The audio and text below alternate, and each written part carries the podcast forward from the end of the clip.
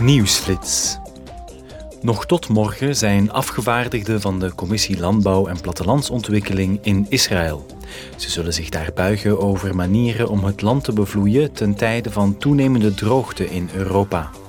De bezoekende parlementsleden zullen er praten met de minister van Landbouw, leden van het Israëlische parlement en onderzoekers op het gebied van landbouwtechniek. Verder zullen ze op bezoek gaan bij gespecialiseerde irrigatiebedrijven, waterinstallaties en boerderijen waar precieze bevloeingsmethodes worden toegepast.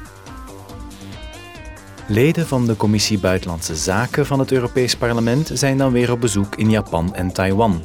Zij zullen er verschillende tegenhangers ontmoeten om de belangrijkste geopolitieke ontwikkelingen in de Indo-Pacifische regio en de Zuid-Chinese Zee te bespreken. In Tokio zullen de Europarlementsleden vergaderen met vertegenwoordigers van de Japanse regering, parlementsleden en academici, terwijl in Taipei besprekingen met hoge ambtenaren zullen plaatsvinden. Tot slot zijn leden van de Commissie Ontwikkelingssamenwerking op dit moment in de Democratische Republiek Congo. De vele grondstoffen waarover dat land beschikt kunnen helpen duurzame ontwikkeling te bevorderen. Het doel van de huidige EU-missie is dan ook om na te gaan hoe de EU kan helpen dat potentieel te gebruiken.